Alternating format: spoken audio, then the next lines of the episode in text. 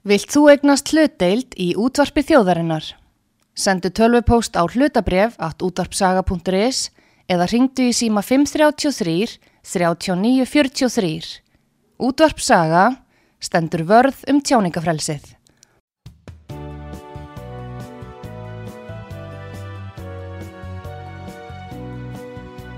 Sýteðis útvarpið á útvarpi sögu í umsjón Pétur Skunlökssonar.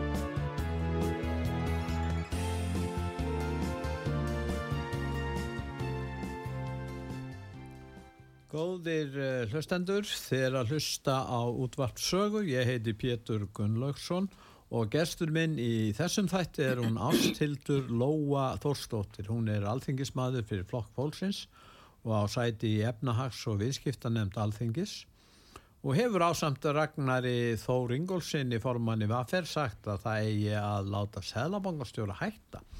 Nú, uh, þetta þessi vilji syngja við var ekki talsverða aðdekli en... Uh, Ástildur er komin hinga til að okkar sögur til að ræðum þessi mál og frekari mál, uh, húsnæðismálin.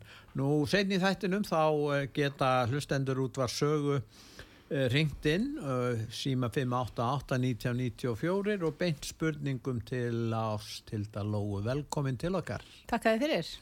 Nú kannski spurningin hérna fyrst út af þessu, hvað, á, hvað, hvað, hvað var til þess að þið Ragnar Þór ákvaða lýsa því yfir að hann ætti að hætta þannig að segla bakastjórin, Ásker Jóns Já, við erum svo sem búin að hafa þá skoðun lengi að hann sé bara og það sem Sælabankin er að gera sem að hann náttúrulega er ábyrgur fyrir sem bankastjóri hans uh, að það sé bara skadlegt uh, heimilónum í landinu, bara landinu öllu og framtíðin í rauninni um, það má segja samt að mælirinn hafi eiginlega fylst, það kom svona kottni sem fylgdi, fylgdi mælin á Uh, opnum fundi sælabokastjóra með efnaðs og viðskiptanemnd það var sem sagt sælabokastjóri og, og vara sælabokastjóri uh, Rannveig Stefansdóttir að með vinnir sem var hérna með honum. Og hérna þau sem sagt uh, sátu þarna fyrir svörum nefndarinnar og, og enn og aftur þá bara stóð ekki steinni við steini í svörum þeirra og því sem þau segja og þau virðast bara vera með algjörða rör sín, það er engin framtíða sín heldur þau eru bara berjast við verbulgu og það er, og gera það einhvern veginn með því bara að höggva mann og annan, ef svo má segja. Og ég stundum líkt þessu við að, að það sé sko, þú veist, það er puttabrót og handleikurinn er tekin af. Þú veist, það er allt of drastísk leið til þess að eiga við vandan sem, sem puttabrót væri og leiðirna sem þau eru að fara til þess að berjast við verbulguna, þær eru bara allt of, um, ég veit ekki, drastískar fyrir ekki að við bara vantar hérna íslenska orðið fyrir afsækja í slettinu Róttækar? Ég, ég vil ekki segja róttækar Nei. vegna þess að mjög margt sem er róttækt er gott já, já. Og, og hérna en þetta er ekki þetta er bara allt of, allt of langt gengið það er ekki hægt að tala um veist, það, það er oft vísaði það og sagt fyrir mig já, Sælabankin á hann er hann ekki að gera það sem hann á að gera lögum samkvæmt, ég vil segja nei við því. Það stendur ekki til lögum um það að Sælabanki hækka vexti. Það stendur hann eða við held að fjármálastöðuleika og hvað er fjármálastöðuleiki og hvernig er það fjármálastöðuleiki þegar þúsundur ef ekki tök þúsundur heimila standa ekki undir sjálfur sér vegna aðgerða hans? Hvernig er það fjármálastöðuleiki fyrir hvernig er þessi fjármálastöðuleiki sem Sælabankin áver að berjast fyrir? Er hann bara fyrir fjármakssegendur fyrir bankana, er hann bara fyrir fjármálakerfið vegna þess að fjármálakerfi verður held ég rosalega stöðugt að þessu loknu vegna þess að það er bara að fá uh, hérna bara eigur landsmanna, fjármunni landsmanna á færibandi til sín.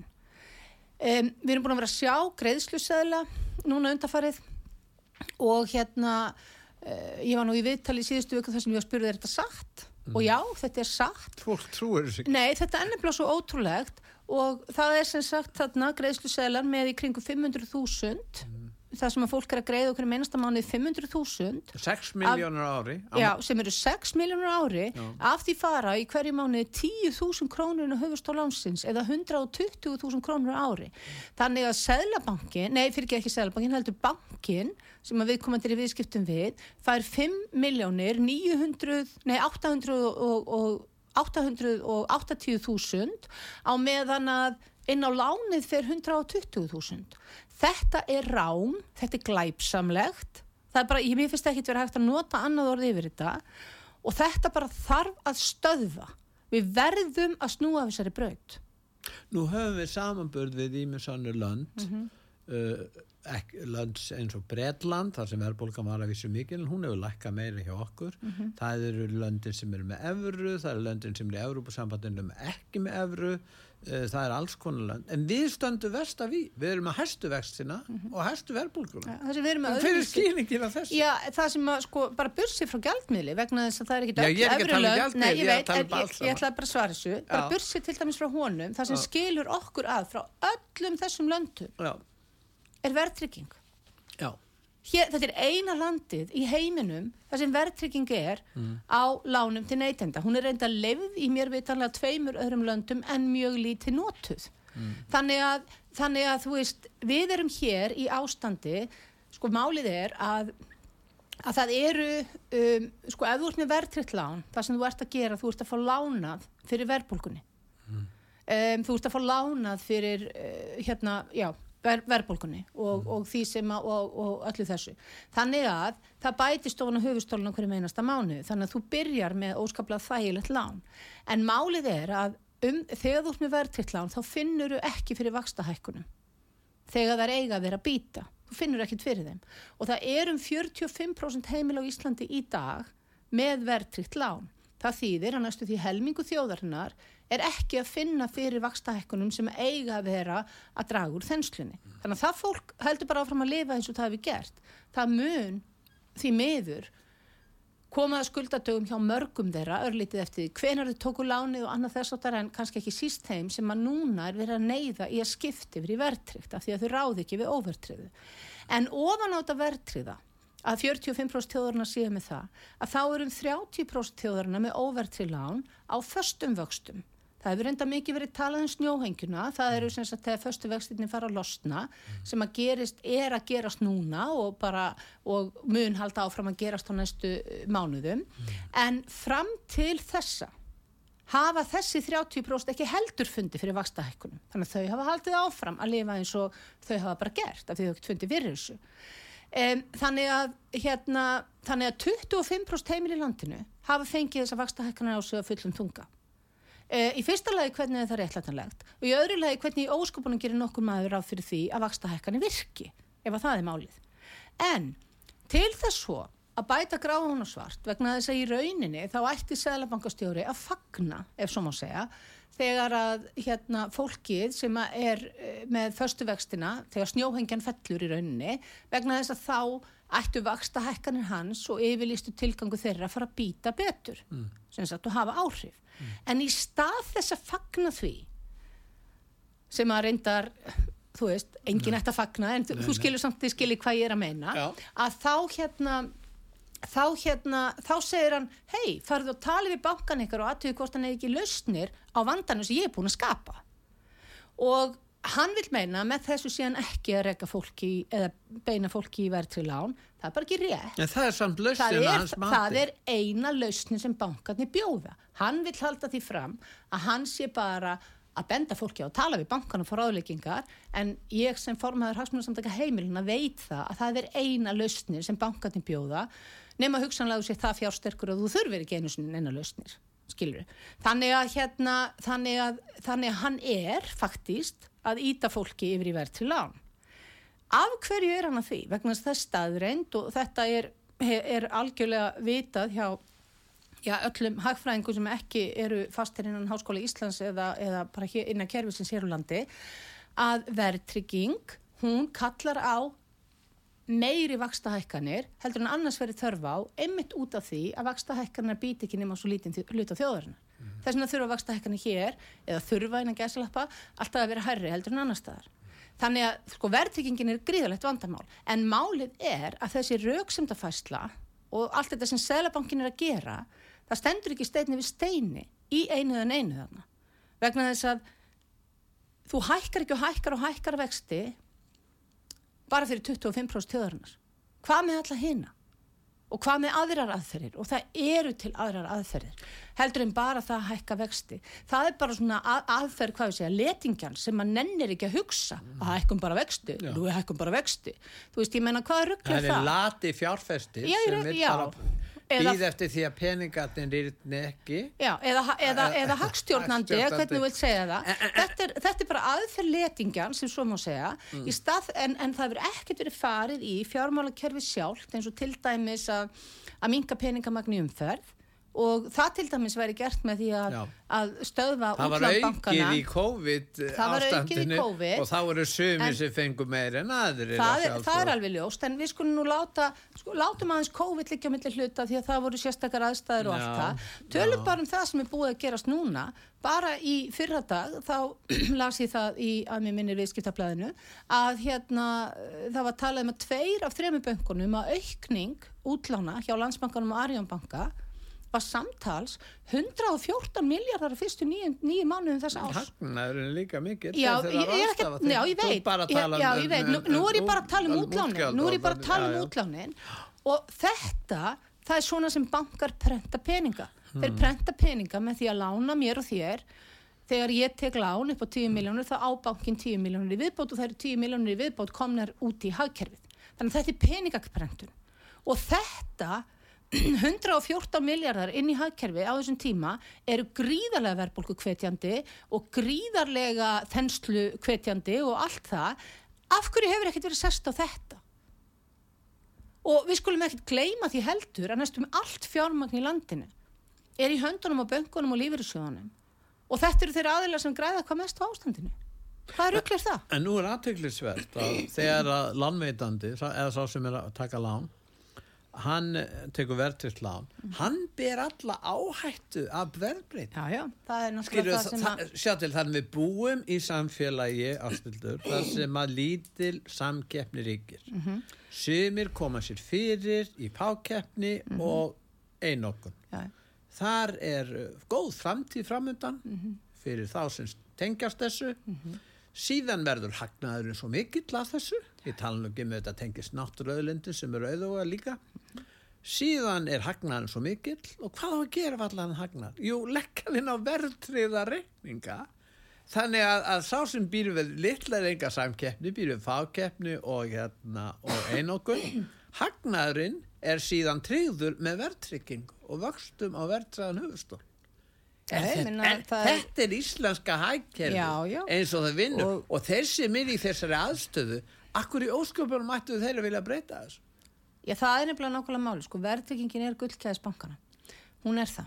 Og það sem að því miður gerist núna er að, sko, og veist, ég get ekki, sko, ég, ég vil taka það bara skýrt fram, ég get ekki álasa neinum fyrir að, þú veist, þetta er ekki meint þannig, fyrir að, að grípa tækifærið og fara yfir í verðtryggt lán, þegar það horfir núna á Nei. stöðu sína og er að borga, allt í hennu er láni sem var hvað, 100 og, já, 240.000 eða eitthvað komið upp í 500.000 Já. skiluru á Já. mánuði um, fólk stendur frammi fyrir við getum þetta við þurfum að velja milli þess að borða eða eða. Eða eða, missa eða hú- missa húsnæðið, okkar já. þannig að jú, við skulum skipta yfir í verðtrikt og það finnur gríðarlega létti til að byrja með þegar að þegar að hérna, þegar að eh, sem sagt, hérna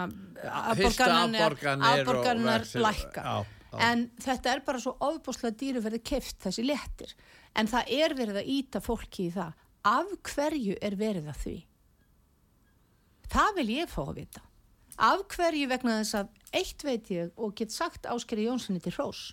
Hann skilur þó hvernig verðtryggingi virkar. Það hefur ekki átt við um alla sælabankastjóra og það á ekki við um alla stjórnmálumenn og, og hérna það er bara fæstir sem að verða að skilja það. Hann skilur það þó en hann er samt að gera þetta. Fyrir hverju er hann að vinna þegar hann gerir þetta? Og hvernig í óskupunum um, þú veist, sjáum við fyrir okkur framtíðina á Íslandi þegar fólk er í hrönnum að taka verðtritt lán og endur fjármagna í verðbólgu sem að núna er hvað, 8, eitthvað, ég man, ekki eins og hvað hann er Tæplega Er- 7,9. já, já, 7,9 sem er núna er 7,9% það er rosalega há verðbólga ofan á kannski 40-50 miljón krónur lán. Á, þrjá, á, á, á þremur fjórum árum þá er ansi stór hluti af íbúðinu farin Já, og, og hérna og þetta er, um, við vitum náttúrulega ekki alveg hvað mann gerast á næstu, næstu árum með allt saman en, en hérna, jú, jú, það er fyrir séð að, að íbúa verð muni hækka aftur vegna þess að fólki sem ekki kemst inn á markaði núna það er ekkit gufað upp. Það situr bara og býður eftir að eiga færi og það mun koma áhlaup eða ég veit ekki hvað maður á að kalla það það mun koma eh, mikið, það er bara gríðarlega vöndun á íbúðum. Og þá komum við að öðru. Sko ég veit ekki alveg á hverju ég á að byrja. Sko, eitt af því sem kom til dæmis fram á þessum fundi með hérna selabankastjórunum það var að og ég held að það við verið í svar eitthvað spurningu frá mér þegar að, já, að ég spurði náttúrulega um heimilin tölvert þá sagði hérna um, Rannveig eh, að vara selabankastjóru, hún sagði já, við erum náttúrulega ekki, er ekki bara beint gegn heimilunum, við erum líka reyna að kæla byggingageran og það hefur tekist mjög vel og ég eiginlega bara satt þetta með hökun á borðinu og ég bara svona Kæla og- byggingagerann? nákvæmlega og þegar ég komst að aftur sem var nú ekki fyrir næstu umferð þá var ég alveg, gerið ykkur ekki grein fyrir það, þá vantar þúsundur íbúða markaðin já, þetta er ekki geirin til að kæla. Nei. Þetta er ekki geirin sem að við viljum að stoppi. Af öllu sem er það mætti kæla ferðamanna eða hvað sem er líku við annað. Ég vil ekki vera að ráðast gegn ykkur, ég bara nefna hann sem dæmi. Já. en ekki byggingageiran það má ekki gera það núna hver er framtíðasín En gott þú minnist á byggingar núna. Nú hefur verið samdráttur í byggingar. En þetta tilgangurinn með makstahekkunum er að búa til samdrátt. Það neytar því enginn. Og núna er bara, nú var búist við því að það er samdráttur í, í við, við byggingar. En hann er miklu meiri sem að koma í ljós núna og verður sennilega miklu, miklu meiri. Því að akkur ætti verktaki sem þarf að greiða kannski 15% í framkvæmdalán hækkun á öllum hráefnum og öllum kostnaði og, og, og alveg sama hvað er litu og svo þarf hann að borga meira fyrir lóðutan akkur ætti hann að fara út í þetta að vera að byggja? Já, hann getur ekki staðið undir Nei, í mér einmitt nákvæmlega og það er sko, það er einmitt líka það sko, verktakar e gefast örgulega bara margir upp. Og þar með erum við að missa fólk úr byggingageranum og það er ekki heldur gott. Veist, munum, það munum örgulega einhverjir standa þetta og vantarlega þá þeir stóru og, og, og þeir sem að þeir geta flutt, flutt yfir til Norregs þess vegna Já, ég meina, það, það brannar mál, þeir verða allavega ekki hér. En, en í staðinn þá muni jú einhverju stórir vantarlega að lifa þetta og, og hérna og öðlast þá ennþá meiri völd Já. yfir þessum markaði. Já. Um, sko ég, þú veist, er þetta það sem við viljum? Og á bara ekki venjulegur, hvað var að segja, smiður sem er með lítið verktakafyrirtæki og, og svona á og hann er ekki undir verktaki Já, einhvers á staðar. hann ekki bara geta verið það og haft í sig og á. E, þú veist, er þetta framtíðasýnin sem við viljum? Og svo er annað sem að mér er bara svo alvarlegt að ég, sko það sem að hefur stöðvast og, og hérna núna á undarförnum árum og, undir, og ekkit síst núna á undarförnum mánum það er það sem ég kannski vil orða sem kalla rúlistega lífsins. Þú veist, það er bara það, veist, við fæðumst við vöxum upp og við eigum svo að flytja heimann Mm. við eigum að geta gert það. Það verða allir að að geta gert geta það. Já, að minnstakosti til að standa bara á eigin fótum. Já. það er ekki holdt fyrir ungt fólk og mér er alveg sama hversu vel fjölskyldum, semur og allt það, þetta snýst ekki um það eða hvort það sé pláss hjá pappa og mömmu. Það snýst ekkit heldur um það. Þetta er bara ekki, hvað við segja þetta er ekki eðlilegt og holdt ástand.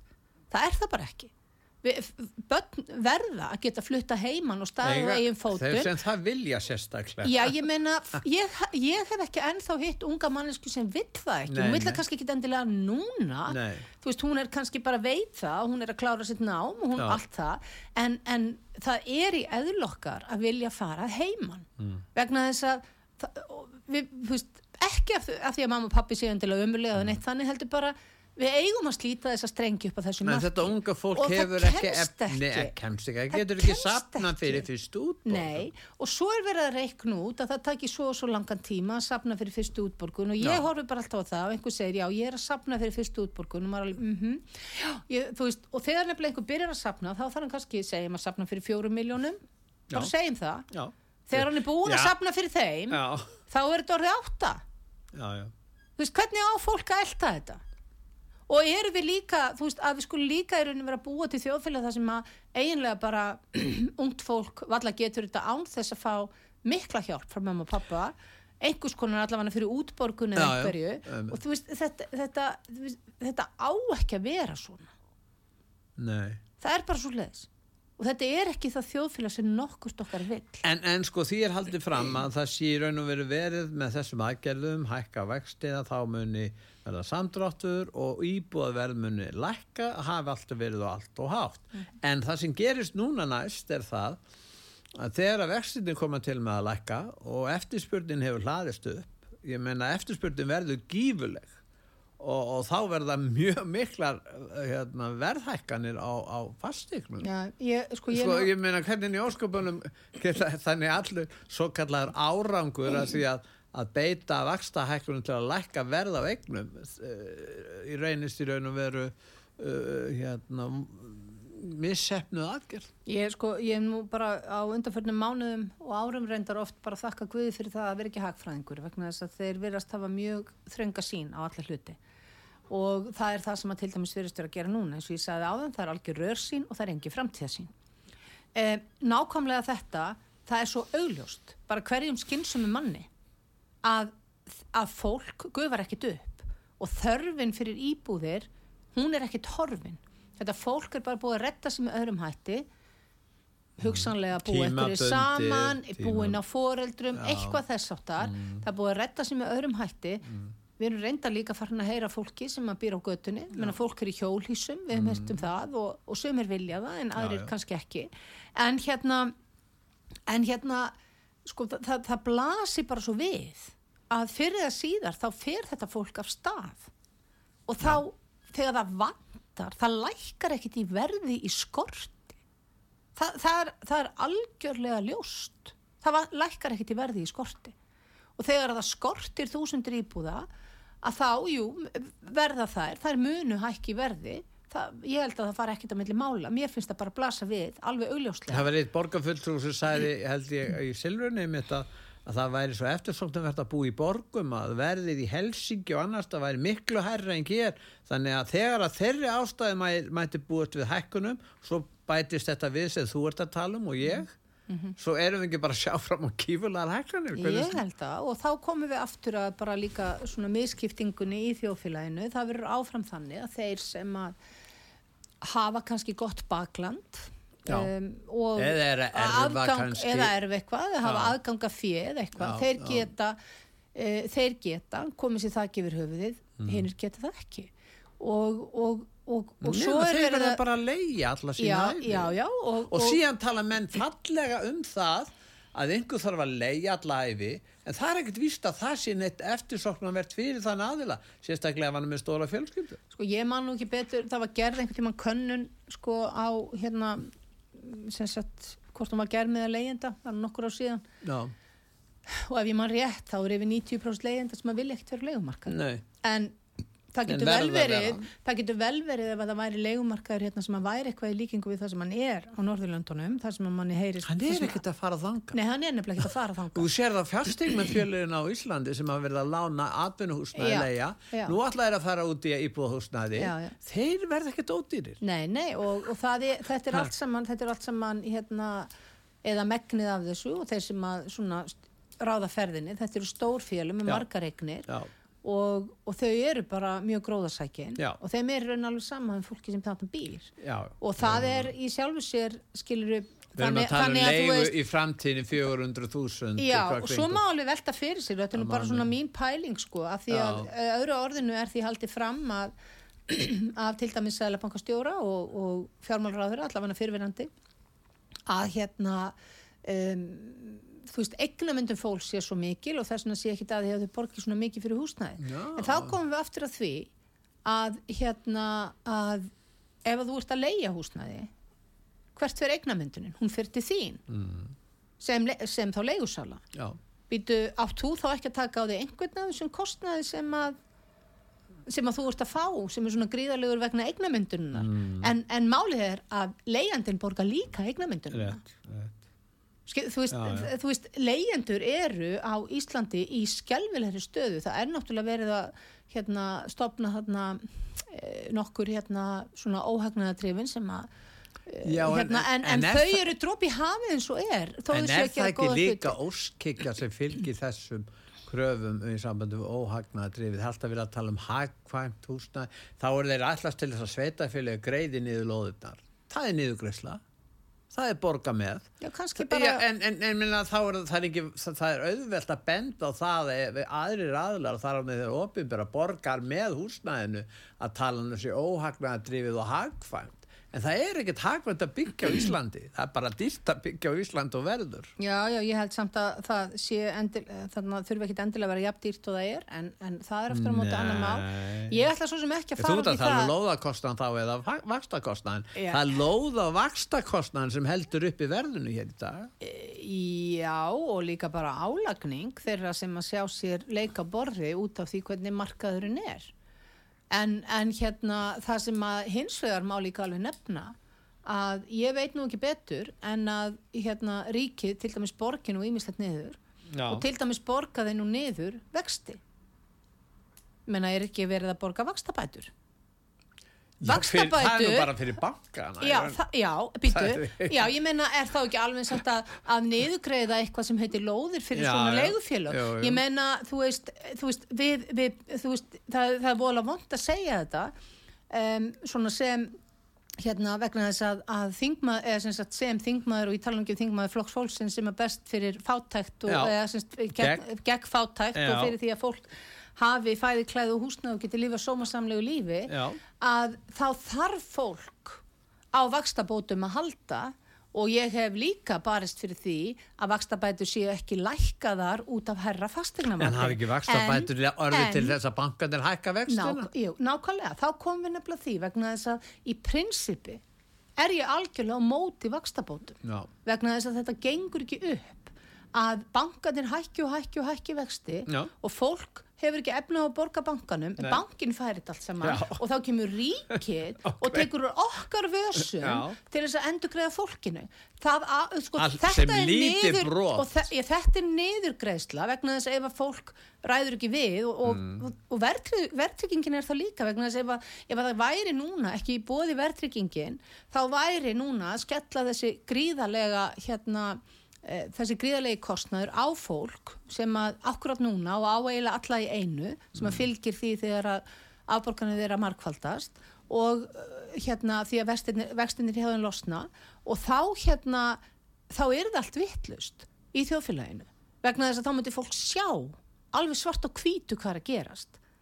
En í staðin þá er því bóðið upp á verðtrilán þannig að vandin krist, kemur ekki fram hjá fólki fyrir löngu setna og þá verður miklu erfiðar að hugsanlega og mjög líklega að sameina fólki í einhverja baráttu gegn einhverju sem löngu er gerst og þá er þetta orðið, mm, þú skrifaður undir og mm, þú veist og allt þetta sem að hérna og, og, Og er skadabætur fyrir bankana sem að fá ekki það sem þeir þú veist og, og allt sem að við fórum í gegn eftir hrun það verður miklu erfiðar að eiga við það. Þess vegna er líka verið að beina öllum í þetta Góðir uh, hlustendur, þeir að hlusta á útvarssögu, ég heiti Pétur Gunnlaugsson og gestur okkar í þessum þætti er Ástildur Lóa Þórsdóttir. Hún er alþingismæður fyrir flokk fólksins og á sæti í efnahags- og viðskipta nefnd alþingis og við erum að ræða húsnæðismál, vakstamál og fleiri mál er tengjast efnahags- og uh, viðskiptum hér á Íslandi. En við ætlum núna að hlýða á stutt auðlýsinga hlið og eftir auðlýsingabyrtingar þá höldum við umræðinni áfram.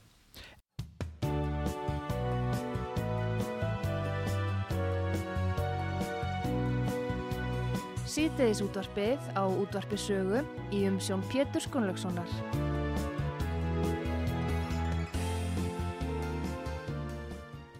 Góðir uh, hlustendur, þið er að hlusta á útvarpssögu, ég heiti Pétur Gunnlaugsson og gestur okkar í, í þessum þætti er ástildur Lóa Þorsdóttir, alþingismæður flokks fólksins sem á sæti í efnahags og viðskipta nefnd tingsins og við erum að ræða húsnæðismálin, vakstamálin og annars líka mál. Nú, uh, símin er opinn fyrir þá sem vilja hringja inn og beina spurningum til ástildar. En hérna mér langar að spyrja þig ástildur telur þú vera líkur að, ég veit ekki hvort ég hefur að spyrja þessa spurningum e, telur þú líkur á öðru bankarhunni eða einhvers konar hunni hvað segir þú núna, þú þekkir þessi mál frá 2008 og 2009 og fylgdist vel með þessu og, þú ert einna, einna, einna okkar sérfræðingum í þessu máli hrunmáli, hvað segir, segir þú um það? um, það verður ekki það verður ekki bankarhun það er verið að tryggja bankana. Já, það sem, bankarnir, það sem að verið er að gera núna er verið að, það er verið að bara setja heimilin í net þeirra. Þannig að ef að það verður einhvers konar hrun í heiminum Já. eða, eða Íslandi. og jafnvel án þess þá bara draga þeir aflana landi og fara að gera á honum þannig að það verður hrun heimilana það verður ekki hrun bankana það komið inn hlustand á línu, halló, hvað heitir þú? Já, góðan daginn, Óskar heiti ég. Sæll Óskar, ertu með spurningu til ástildar, Lóu? Já, ég bara hérna, hún, eh, hún talar um það, hérna, sæl ástildur, hérna, þú tal, þið, þið talið um það að þetta séu ólöglegar aðgerðir að hálfu söðlabankars. mm. Er þá ekki bara eina leiðin að fara bara í mál við þetta lið? Ég hef reyndar ekki sagt að þetta séu ólöglegar aðgerðir. Ég hef hins vegar sko mótmælt í þegar sagt er að Sælabankin sé með þessum vakstahækkunum að fylgja lögum vegna þess að það stendur hverki lögum að honum bera að hækka vexti. Og ég vil meina að hann hafi aðrar leiðir heldur en það. E, hitt er svo annað að mér finnst e, þetta, er ekki ólöglegt sem hann er að gera en ég, mér finnst þetta hins vegar algjörlega glæpsamlegt sko. Já, já, ég meina að það er glæpsamlegt, hlýtur að að teljast ólög. Já, ég meina það er náttúrulega bara stund, sumt er löglegt þó sé ekki, þó að manni finnist það ekki lægi. Eh, ég hef mótmælt í líka að það er engi varnaglar á þessu, hérna, þessu sjálfstæði Sælabankans. Eh, hann sem sagt, eh, hann er bara sjálfstæður og, og getur bara farið sínu fram og það er, nú er hann bara, að bara að fórna heimilónum algjörlega fyrir fjármálakerfi, fyrir bankana og það er enginn sem verið geta stöðvað hann. Nei, Um, en- mín en- skoðun er bara svo, mín geðu, mín skoðun er bara svo Mm að það þurfi að láta reyna á þetta fyrir domstól. Já, ég bara, sko, ég er ekki lögfræðingur en ég, eins og ég segi, hef þó staðið í nokkrum dómsmálum, bæði sjálf og, og svo líka sem formaður hagsmunarsamtaka heimilina þar sem að þau hafa uh, verið með dómsmál. Um, og reynsla mín er svo að ef að það stendur ekki lögum að eitthvað sé ólöglegt þá ertu ekkert að fara með það fyrir dómstóla. Það, því bara flekt út, það þýr ekkert að láta reyna á það einu sinni. Og það er ekki alveg, alveg saman hvað okkur langar til þess það er ekki ólöglegt það sem Sæðlabankin er að gera en það þarf hins vegar að stöðva það og það þarf að berjast gegn því og hann er búin að ganga allt og allt og langt en það eru engi varnaglar. Það er ekkert sem að segir í lögunum að hann megi ekki gera þetta og það er alveg á hreinu. Og eitt af hans tækjum til þess að stemmast yfir verðbólgu er uh, hérna, er vakstahækkanir en það eru til fleiri tæki og hann er ekki að beita þeim og hann er að ganga allt of harkalega fram í vakstahækkunum Já, ég þekki sko, ég þekki persónulega fullt af fólki sem á, er bara kiknað undan þessum lánum. Já, og ég, ég sjálfur er ekki í þeim spórum ég, er, ég get ekki treft mig hérna fjárhagslega hér í þessu landi út af því að ég er inn á vanskilaskrá og búin að vera það í mörg ár. Nákvæmlega. Þannig að ég tilher ekki þessum hópi en ég þekki bara fullt af fólki í kringum mig sem er að gefast upp á þessu. Mm það er að það er búið að fá gjörsamlega nóg. Já, og ef ég væri í þeirra spórum þá myndi ég sjálfur höfða persónulegt engamál á hendur þessu lið. Já, það er reyndar bara, og það þekki ég einn að og alveg ég- svakalega ég hef sjálfur þurft að gera það þannig að Já, já, ég hef þurft að gera það líka og það er svakalega dýrst og það er ekkert á allra færi. Það er nú bara því miður þannig að þegar, að, þegar það þrengt svona svakalega fólki fjárhastlega að þá hverfa líka mjög margi möguleikar hafið þeir einhverjir verið fyrir til þess að mynda að leita réttarsins með þessum mætti. En málið, sko, eins og ég segi, ég, þú veist, ég náttúrulega veit og heyri af fólki sem er í þessari stöðu sem þú ert að lýsa og ég menna ég hef sagt það ofinberlega að ef að ég væri ennþá kennari sem ég var alveg þangað til að ég fór inn á þing þá var ég komin í bara mjög slæmmál en ég, ég, ég sennilega mun bjargast ennþá en ég finn alveg fyrir þessu. Þannig að ég geti rétt ímynda mér hvernig fólk sem er á læri launum heldur en, heldur en þingmenn eru er að upplifa þessa hluti og ég bara ætla mér að berjast alveg þangað til að ég bara eins og ég mögulega get og það er eins og, Ragnar, eins og Ragnar Þór hann setti nú inn þannig að hann deildi greinin okkar í gær og setti bara inn, ég menna ef að við fáum einhver viðbrið þá erum við tilbúin í aðgerðir. Og við höfum þegar ma- staðið fyrir aðgerðum, við stóðum fyrir aðgerðum í vor og við erum tilbúin í það aftur. Og það er bara spurning, er fólk tilbúið í aðgerðum, það hefur ekki alveg verið það hinga til? Einmitt. Ná, nákvæmlega, ég, ég, ég, ég ber, sko, ég, ég, ætla bara, ég, ég ætla bara að segja þetta að lokum, ég ber mikla virðingu fyrir ykkur að, að, að hérna, að bara hafa úthald í það að standa í þessari baráttu Takk fyrir og það. fyrir hönd almennings og ég vona bara það að við höfum sigur. Já, takk fyrir Takk það. fyrir Mónika. Óskar. Takk. Takk Óskar. Fleiri spurningar sem eru, já það er nú eh, fleiri sem vilja koma að stað og við skulum heyri næsta manni. Gjörðu svo vel, hvað heitir þú? Já, halló. Halló. Já. Já, gjörðu svo vel, hvað heitir þú? Já, góðan daginn Pétur ég. Sætla og blessaði Pétur, ertu með spurningu til uh, Þingmannsins? Já, mér langar til að spyrja hana um hvaða hérna stefnu hún hefur í sambandi hælisleitistóra flóttamenn og hérna hvert að ríkistjóðni sé ekki bara búin að koma okkur í þetta með því að prenda endulega sæla og, og, og setja fleiri milljarða í loftlasmál og úrkannjustrið og annað. Já, eðsla ofinbera, það er- já. Nei, Það er þátt í litið við svona villist. tala svolítið svona eins og við höfum verið að benda á að berjast fyrir í, í miðflokknum. Mitt, hvað segir um þetta? Ég eiginlega, sko, ég bara eiginlega get ekki alveg 100% svarað þessu, sko. Ég veit ekki alveg hvað ég á að segja er með að um að... eðsluna í sambandi við hælisleitendur, lofslagsmálin, alls konar stuðning við, við mál kannski, ég veit ekki, Úkræn eða eitthvað, ég veit ekki, en það er náttúrulega heilmikil útgjöld sem fylgja þessu ástildur. Já, það, það eru það. Hvað og- segir þið á flokki fólksins? Hvað viljið þið gera til að spara? viljum, við, viljum, já, við viljum hjálpa þeim sem að þurfa að hjálpa að halda en ég vil líka bara taka það fram að, að staðan á, á húsnæðismarkað og þetta sem við erum að, að fara í þar, hún, það, hún er ekki hælisleitendum að kenna, hún var slæm áður en það bætir náttúrulega ekki um þegar að koma margir í viðbót og, og eru margir um, um hituna. Ef það eru En það 5.000 er- sem bætast við hælisleitur eins og í fyrra, þá þarf kannski 2-3.000 í 2.000 íbúður undir já, þá. já, já, það getur alveg þurft þannig að hérna, en mér heyrist nú reyndar að, að Pétur sé hérna svona eiginlega að reyna að fá mig til þess að styðja miðflokkin þannig að ég, hérna, hann verður nú bara að eiga það við sig, sko, ég ætla ekki að fara að gera það hérna, sko. Fjötur, hún ætlar ekkert að ganga til miðflokksins, þannig að Nei. er þetta, ertu ánægð með svörin? Já, hann er farin. Allt í lagi, við skulum bara, heyrðu, en það eru fleiri sem er að reyna að komast inn og við skulum heyri í næsta innryggjata. Gjörðu svo vel, hvað heitir þú? Ég heiti Sigurgeir. Sæl Sigur, ertu með spurningu til Þingmannsins? Já, já, ég er það nú. Gjörðu svo vel. Spurningin er bara svo hljóti. Er hægt að taka verðtrygginguna af á þess að skipta í gjaldmiðil?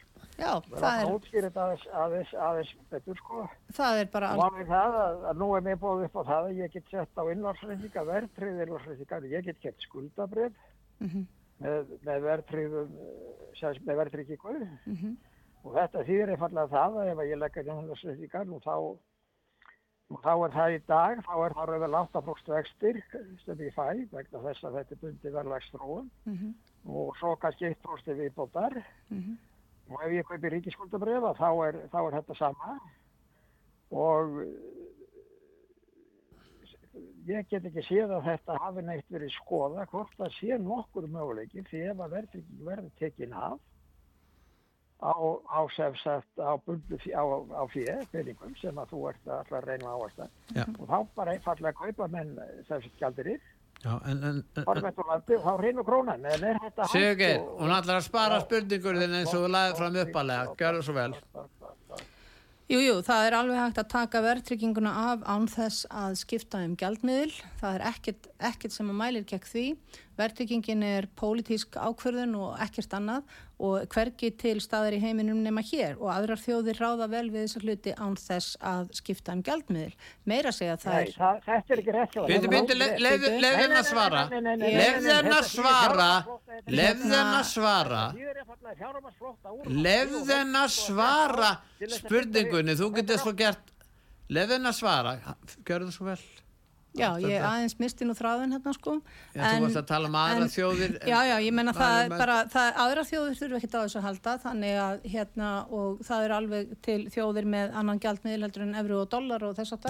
Það sem eru ekki með, eru ekki með verðtryggingu og hérna um, sko, verðtrygging á að vera á milli fagfjárfesta og fagfjárfest og ríkis, hún á að vera á ríkiskuldabrefum og öðru slíku, hún á ekki að vera á lánum til neytenda og hérna vegna þess að meðan hún er ekki eða semst að ef hún er á lánum til neytenda þá sem sagt hafa hvorki ríkinni bankar nokkurn hagaði að halda verðbólkunni niðri.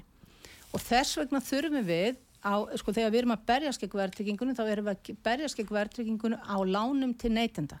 Og það er þar sem að hundurinn leikur grafin en það þarf hins vegar og á að vera á sem sagt eh, hérna eins og ég sagði, milli fagfjárfesta og á milli fagfjárfesta og ríkis og eins og ég segi á ríkisskuldabrjöfum um, það sem að mér finnst sparifjárhegundur oft gleima og ég bara mótmæli því algjörlega að það sé verið að taka pening af þeim með því að hafa lægri vexti á húsnæðislánum.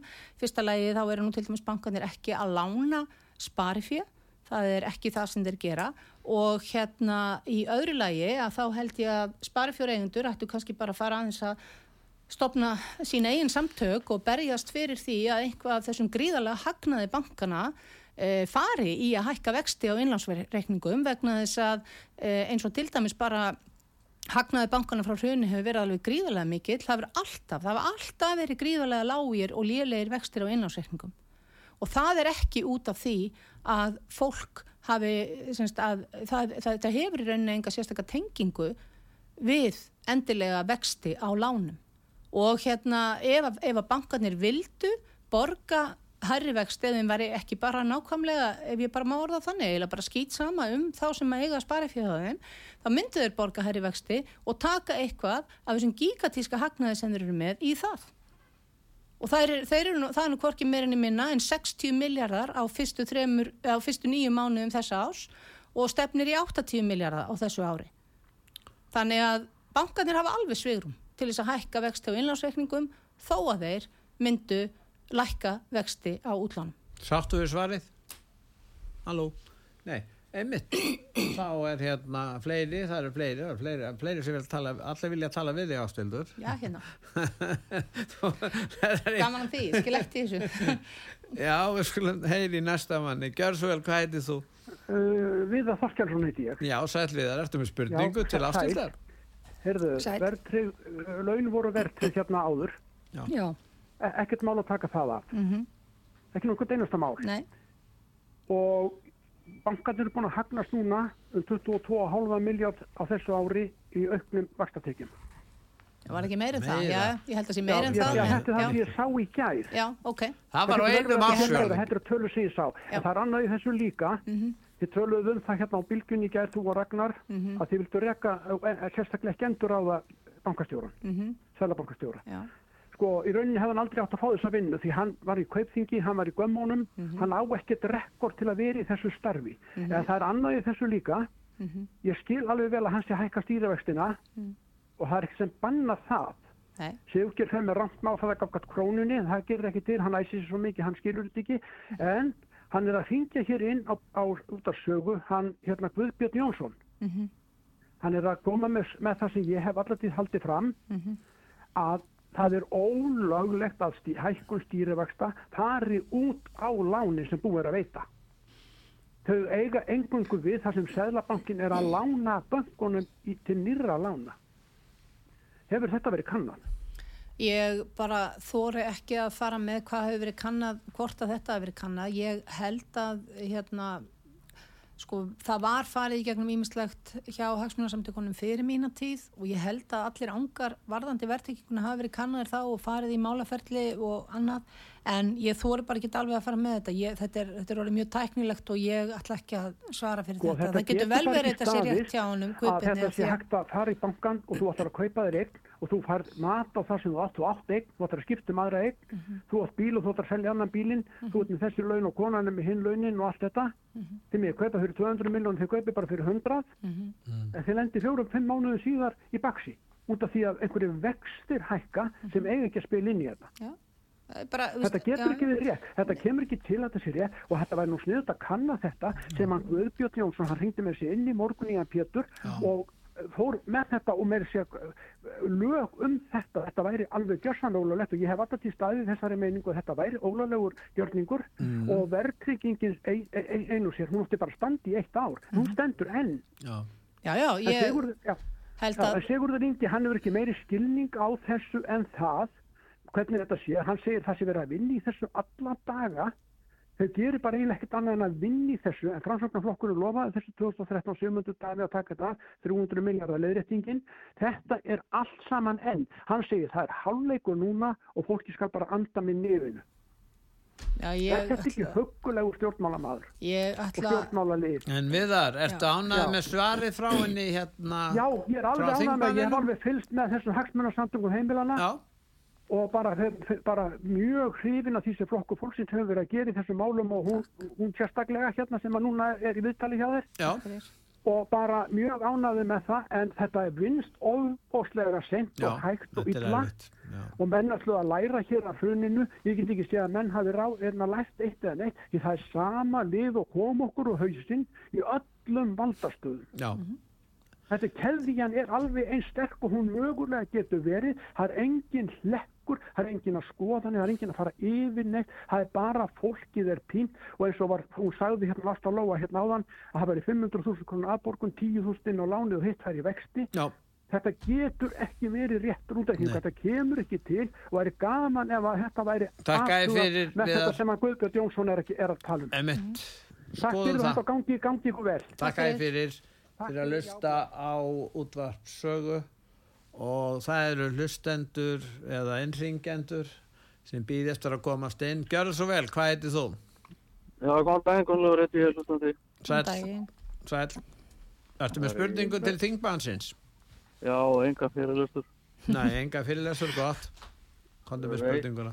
Þingmaðurinn, hatvirtur, út af hverju vextir eru herri á Íslandi en í svo kallum samanbörðarlöndum. Um, ég held að stór ástæða fyrir því og svo stærsta sé að hér er svo stór hluti lána verðtriður. Vegna þess að verðtryggingin býtur ekki, nei vextir þegar þeir eru hækkaðir, þeir býta ekki eins og þeir eiga að gera þegar að nær helmingu þjóðarinnar er með verðtrið lána því að sá hluti finnur ekki fyrir því og þess vegna þurfa vextahækkanir hér alltaf að vera grófari og meiri heldur en annar staðar. Að þessu sögðu þá hérna er, e, er engin réttlæting á því hvernig hefur verið farið að þessum málum á undanförnum mánuð. Það er sko, það er nú, maður er búin að heyra þessar bitkenningar og jafnvægiskenningar og ýmsa aðra gáðulega kenningar. Mm En bitkenningin, hún virkar á fátakasta fólkið sem getur ekkert gerst. -hmm.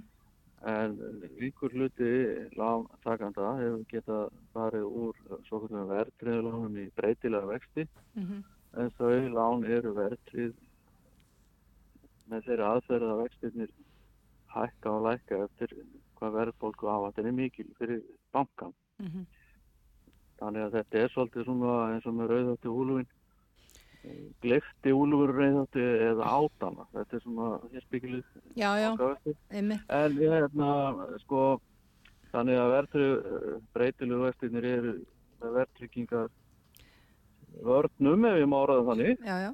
og kannski ekkit al, alvittlust en það er ekkit hámarka á verðtryggingunni, vísitölunni en það getur verið hámarka á breytilegu vakstum þess að þeir eru svona háðu keðiverkum frá Sælabankanum en Sælabankin er ekki mikið að skipta sér að vísitölunni, hún er reiknað einhvers staðar út í einhverju göðulegri hagstofu eða einhvers staðar. En uh, þetta er svona þessi áhættu potlar sem fólk þarf að forðast ef það getur, en það getur náttúrulega ekki gert neitt, Nei, sko, þegar að bankin setur allar reglum. Hvað segir þú? Hérna, sko, sko staðrindin er bara svo, því miður, að það eru ekki til góð lán fyrir neytendur á Íslandi og þú veist að því sögðu þá myndi ég segja eru óvertregi lán alltaf best og ég hefði alveg sagt það alveg þangað til kannski bara núna undanförnum mánuðum að, að óvertregi lán með breytilegum vöxtum væri best af því að þú borgar hvað 2% hærri vexti að jafna þig sko fyrir að vera með að fasta. Og en núna náttúrulega er, erum við að horfa upp á annað. En allavega óvertregi lán eru best. En þeir náðu okkur alltaf einhvern veginn. Já, Og- það er og- rétt, og- það er, það er alveg rétt.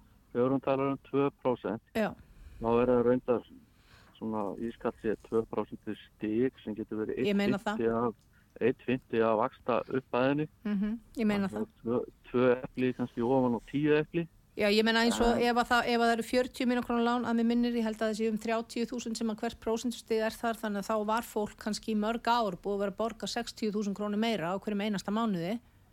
Skilur fyrir það, þetta öryggi sem að föstu vextirnir uh, veittu því og það kom, sannarlega, kom sér svo sannarlega vel núna en enguða síður að þá jafnvel í mörg ár uh, var það í rauninni ekkert að veita þeim annað heldur en svona ákveðna tryggingu sem að það þurfti ekki að nota eins og í gamla daga þegar mm. breiðaltíðum var að byggjast upp mm -hmm.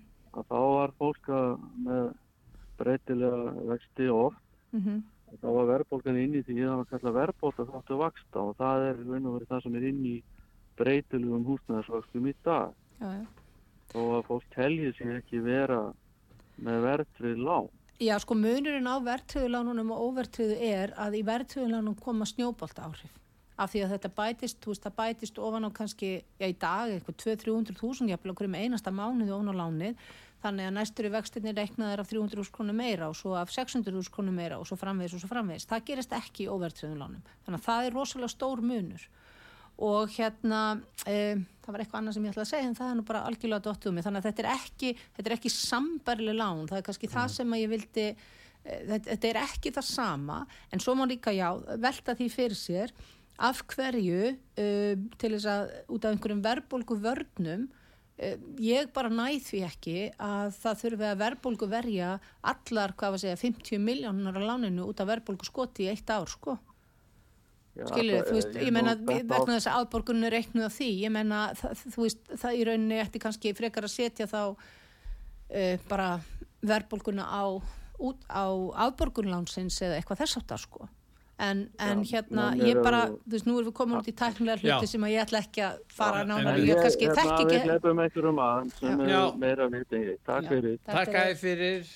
og já þið er að hlusta á útvart sögu. Ég heiti Pétur Gunnlaugsson. Og gestur okkar í þessum þætti er hún Ástildur Lóa Þórstóttir hún er alþingismæður flokksfólksins og hún hefur verið að svara spurningum ykkar sem hefur verið beint ykkar til okkar. Og hérna og hérna og en kannski í lokin. Við verðum að fara að ljúka þessu núna Ástildur en hérna þarf að breyta lögunum um Sælabanka Íslands og heldur að verða einhver samstæð um það vegna þess að menn beit, halda því fram að Sælabanki þurfa að vera sjálfstæður og þess vegna er megum við ekki að vera að breyta lögunum þar sem að vera meir um inngrip af hálfu Frankvæntavaldsins eða eitthvað því. Sko, ég ég, svo sem hef ekki konkrétt svar en ég Nei. get sagt hvað, hverju ég hef velt fyrir mér. Já, og hérna sko málið er að það er ekkit skrítið þó að eh, pólitíkusar þó að þeim sé vantrist þeir hafa algjörlega unni sér inn fyrir því vantrusti bara í undarfarin ári ef ekki ára tugi og Sælabankunum var misbreytt alveg klárlega. En svo komum við að því uh, sjálfstæður samt gagvart hverju og hver er þá ábyrð uh, kjöruna fulltrúa ef að þeir bera ekki ábyrð á hlutunum sem er að gerast í Sælabankanum er endilega betra að það sé bara eins og ég segi, fólk sem að enginn hefur kjörið um, þarf aldrei að standa fyrir máli sínu svo nokkru nemi, er einhvern veginn algjörlega ósnertanlegt. Ég ég fengi gaggrinni á mig fyrir það að voga mér sem kjörin fulltrúi að, að krefjast þess að sælabankastjóra sér sagt upp eða allavega ekki framlendu við hann hérna, framlend ráningi verið ósamála honum. Já, já, og verið ósamálunum og það er svona eins og það sé eitthvað heilagt það maður megi það ekki. Já.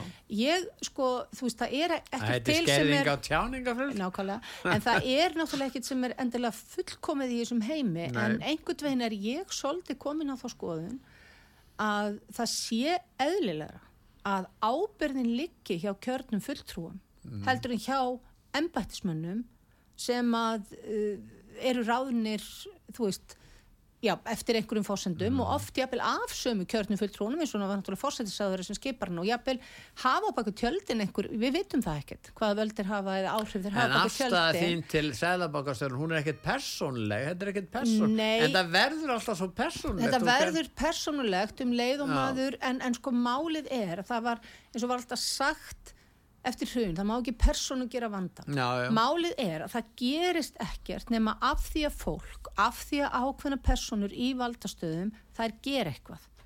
Vextinir hafa ekkert hækka svona bara af því, þetta er ekki Mm. náttúrulögmál. Það var tekin og hefur núna í 13 skipti var tekin meðvituð ákvörun um að hækka vexti með öllum þeim afleðingum sem að því fylgja. Og því stýrði Ásker Jónsson.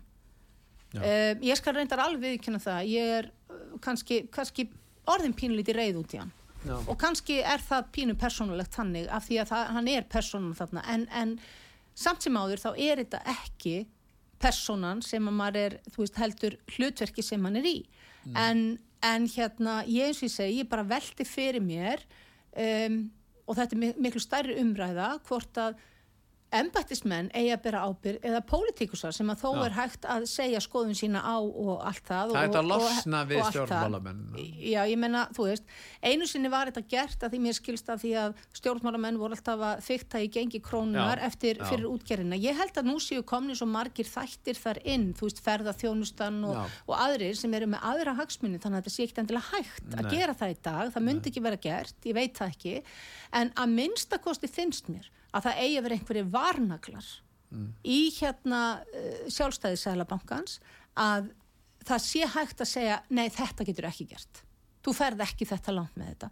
Við, við hljótum alveg sama þó að, þó að pólitíkusar við höfum ekkert endilega alltaf ástæðu til þess að höfum ekki haft það í gegnum tíðin að treysta þeim að þá samt sem áður þá er það það eina sem við getum líðræðislega kjörið. Þannig að ég, ég veit ekki. Nú er ég kannski búin að tala í ringi en ég velti þessu fyrir mér Einmitt. Nú, Ástildur Lóa Þórsdóttir, alþingismæður Flokks Fólksins, ég þakka þér fyrir að koma til okkar. Takk fyrir. Og svara spurningum innringenda sem var mjög gott. Og ég vil þakka hlustendum út var sög fyrir að hlusta á þáttinn. Verðið sæl